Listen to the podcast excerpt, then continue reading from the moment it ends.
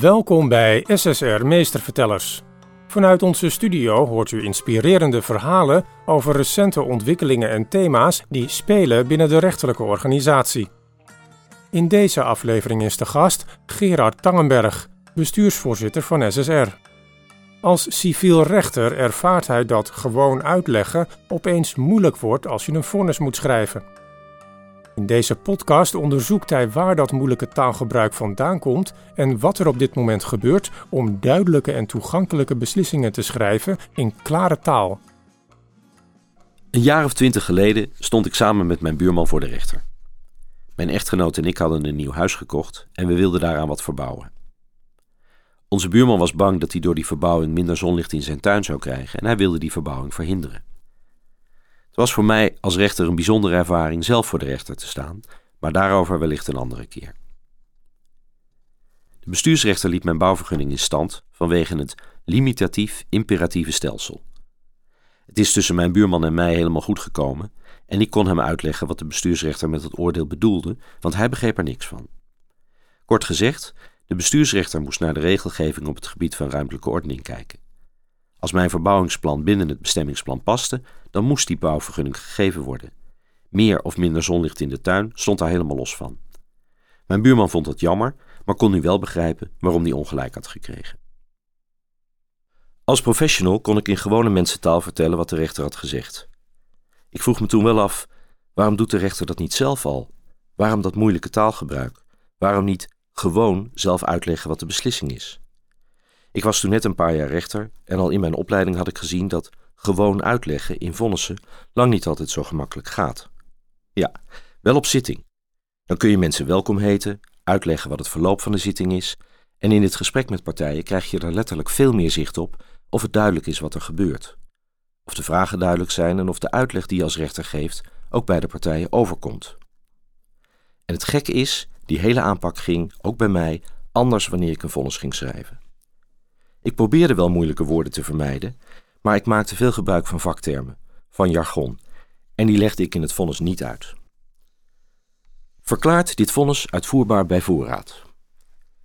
Verweerder wordt veroordeeld te gehengen en gedogen, of en veroordeeld gedaagde hoofdelijk, des dat de een betalend, de ander zal zijn bevrijd de hoofdsom te betalen. Waarom legde ik dat eigenlijk niet uit? Waar komt dat moeilijke taalgebruik in vonnissen vandaan?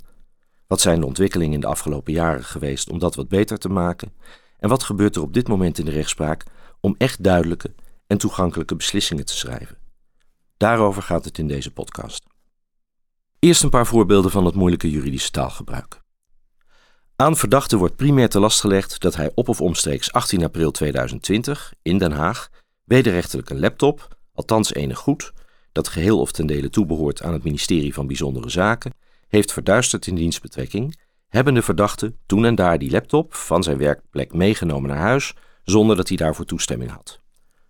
Subsidiair dat hij op of omstreeks 18 april 2020 in Den Haag wederrechtelijk een laptop, en dan komt die hele riedel er weer achteraan, eindigend in heeft weggenomen. Wat daar eigenlijk staat is dat een ambtenaar van het ministerie van Bijzondere Zaken in Den Haag op 18 april 2020 een laptop van zijn werk heeft meegenomen zonder dat dat mocht. En als dat niet bewezen zou kunnen worden, dat die man of vrouw die laptop heeft gestolen. Op of omstreeks betekent dat het ook de dag ervoor of erna kan zijn geweest. En als hij of zij daarbij ingebroken zou hebben, zouden daar ook nog zinnen aan toegevoegd worden met teksten als braak, verbreking, inklimming, valse sleutels of een vals kostuum. En als het laat op de avond was gebeurd, misschien ook nog gedurende de voor de nachtrust bestemde tijd.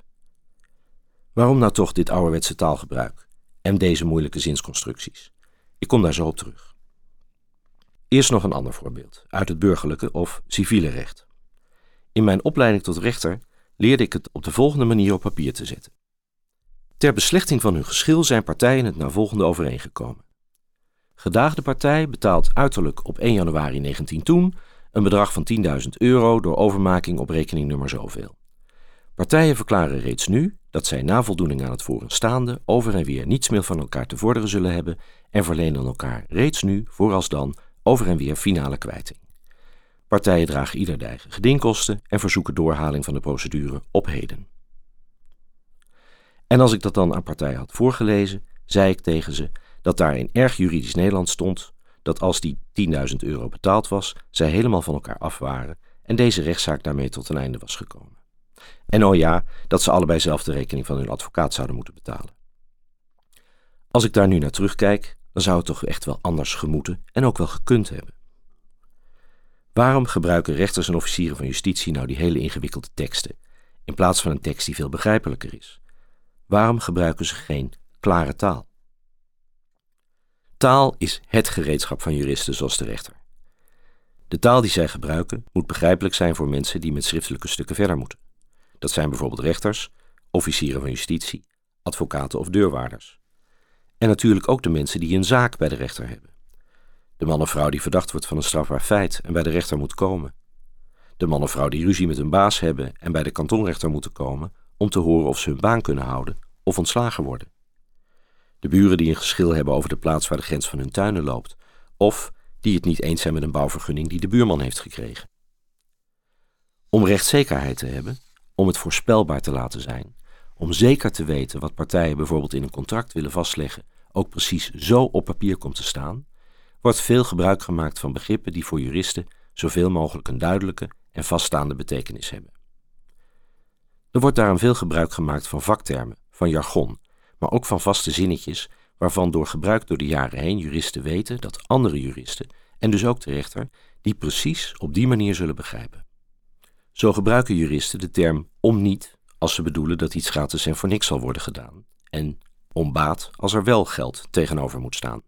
Dat is voor de rechtszekerheid, krijg ik precies wat ik wil, essentieel. Maar voor niet-juristen komt het soms maar vreemd over. Want als je de eerste keer om niet in een zin ziet staan, denk je dat er tenminste één woord is weggevallen. De betekenis is dan helemaal niet duidelijk.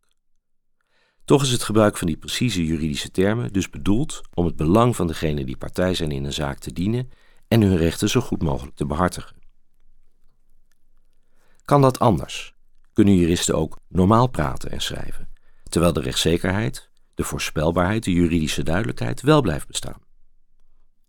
Ja, dat kan in veel gevallen wel. Tot ergens in de jaren 80 van de vorige eeuw was het heel gewoon dat vonnissen in de indirecte reden werden geschreven. Dan begon elke alinea met overwegende dat en dan kwam daarachter wat er aan de hand was. De indirecte reden was de norm, zo deed je dat als rechter. Pas toen de Hoge Raad, de hoogste Nederlandse rechter in strafzaken, civiele en belastingzaken, dat niet meer deed, durfden andere rechters dat ook. Het maakte dat teksten veel toegankelijker werden, voor meer mensen begrijpelijk, zonder dat de rechtszekerheid werd aangetast. Zo'n tien jaar later is er geëxperimenteerd met het gebruik maken van gewoon Nederlands in telastleggingen. Dat werd niet aangesloten bij de precieze tekst van het wetboek van strafrecht, maar werd aan iemand ten laste gelegd dat hij iets had vernield. Lagere rechters wilden daarin wel meegaan, maar in 1995 heeft de Hoge Raad daar een stokje voor gestoken. Je mag van de Hoge Raad wel proberen zo eenvoudig mogelijke taal te gebruiken in een telastlegging, maar je moet wel alle onderdelen uit een strafbepaling noemen. En omdat in artikel 350 van het Wetboek van Strafrecht staat dat vernielen strafbaar is als het opzettelijk en wederrechtelijk, dus met opzet en in strijd met het recht, gebeurt, mag je niet volstaan met alleen maar vernielen. Daarna hebben officieren van justitie dus steeds weer precies de letter van de wet gevolgd als zij een aanklacht opstelden. Toen lukte het dus niet om wat begrijpelijker en toegankelijker te worden, maar dat had alles te maken met rechtszekerheid. De verdachten moeten precies weten wat hen verweten wordt op welke strafbepaling wordt gedoeld. En daarom is het dan beter om die strafbepaling maar zo letterlijk mogelijk te volgen. Daarom moest die aanklacht voor de laptopstelende ambtenaar zo precies, maar ook zo ingewikkeld worden geformuleerd. In de aanklacht moeten alle onderdelen van de strafbepaling staan en de rechter moet die ook precies nalopen in de bewezen verklaring.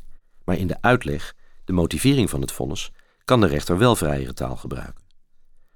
Vonnissen van strafrechters worden daarom al zo'n 15 jaar veel uitgebreider en zoveel mogelijk in klare taal geschreven.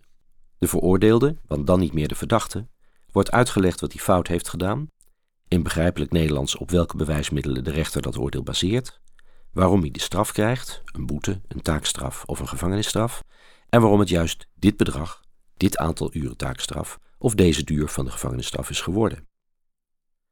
In met name strafzaken, maar ook wel in complexe civiele zaken, maakt de rechter tegenwoordig een voorleesvonnis. Dat vonnis is in begrijpelijker Nederlands geformuleerd en geldt als een toelichting op het uitgebreidere en juridisch meer precies geformuleerde vonnis. Ook in persberichten en in mondelinge toelichting van persrechters en persofficieren op radio en televisie wordt meer uitleg gegeven.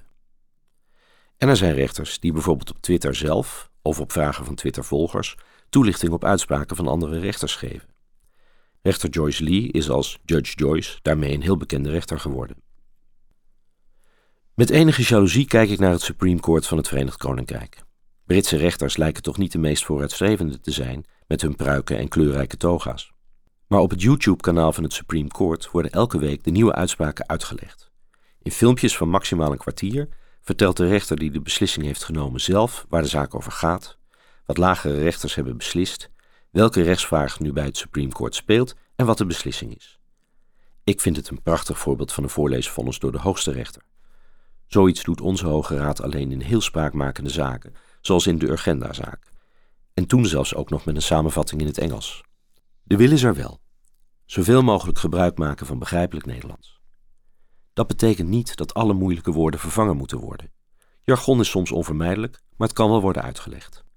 Los van moeilijke woorden is het ook belangrijk dat rechters aandacht besteden aan de opbouw en de structuur van een tekst. Is die helder?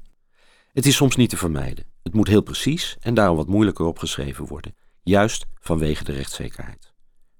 Dan is het goed dat de rechter daarbij een toelichting geeft die misschien iets minder precies, maar voor de niet-jurist ook duidelijk is. Om de rechtspraak zo toegankelijk mogelijk te maken, willen we dus het liefst duidelijke taal gebruiken, maar met behoud van juridische zekerheid. Om dat te stimuleren is er sinds een paar jaar de klare taal bokaal. Die wordt jaarlijks uitgereikt aan één of meer rechters die echt hun best hebben gedaan hun oordeel zo begrijpelijk mogelijk weer te geven. Er zijn inmiddels mooie voorbeelden in alle rechtsgebieden waarbij rechters moeilijke beslissingen in begrijpelijk Nederlands hebben gegeven. Zo hebben de bestuursrechters van de rechtbank Amsterdam het project WIEP, wat staat voor wat ik eigenlijk bedoel. En dan hebben ze het niet meer over het limitatief imperatieve stelsel. Familierechters in Assen en in Leeuwarden hebben uitspraken gedaan waarin ze zich heel direct tot de jongere of de vader richten om iets belangrijks te zeggen. En in het laatste geval trouwens in het Fries, omdat dat voor de vader nog veel duidelijker dan het Nederlands was.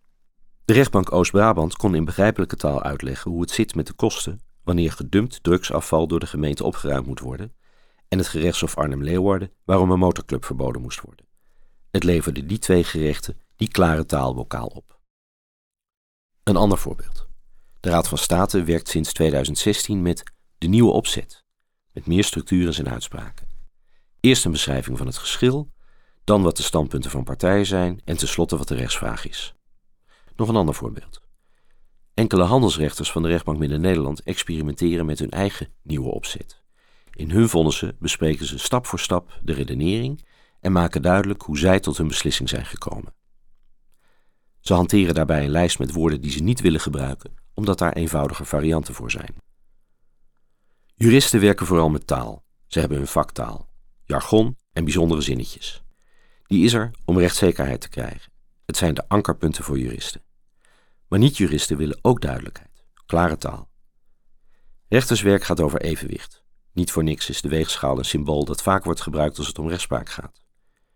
De rechter moet in veel gevallen een evenwichtskunstenaar zijn, ook in dit geval. Zoeken naar een evenwicht tussen het borgen van rechtszekerheid met heel precieze formuleringen en begrijpelijkheid waardoor het misschien wat minder precies is. En te proberen die twee uitersten steeds wat dichter bij elkaar te brengen. Hoe meer dat gaat lukken, en ik heb mooie initiatieven op dit gebied zojuist genoemd, mede ondersteund door het Klare Taalproject.